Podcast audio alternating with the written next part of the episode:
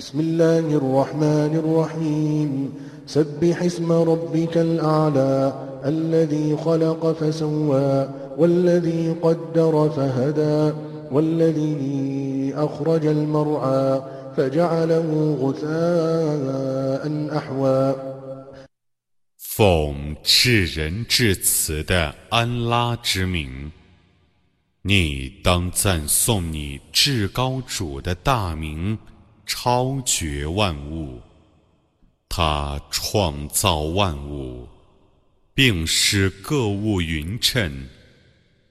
他预定万物，而加以引导。他生出牧草，然后。使它变成黑色的枯草。سنقرئك فلا تنسى إلا ما شاء الله إنه يعلم الجهر وما يخفى ونيسرك لليسرى. فذكر إن نفعت الذكرى سيذكر من يخشى ويتجنبها الأشقى الذي يصلى النار الكبرى.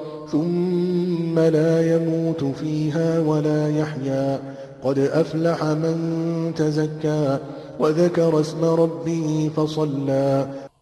我将使你诵读，故你不会忘记，除非安拉所欲忘记的。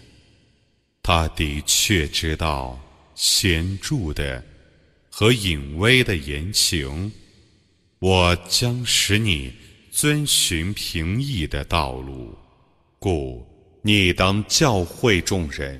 如果教诲有弊于他们的话，为主的人将觉悟，搏命的人将退避。他将入于大火，然后在火里不死也不活。有教养的人却已成功，他纪念他的主的尊名，而谨守拜功。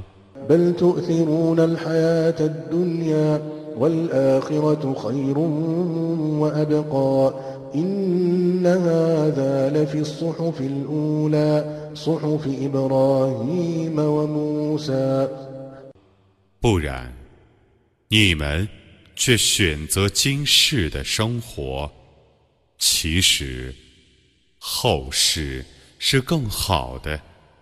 是更长久的。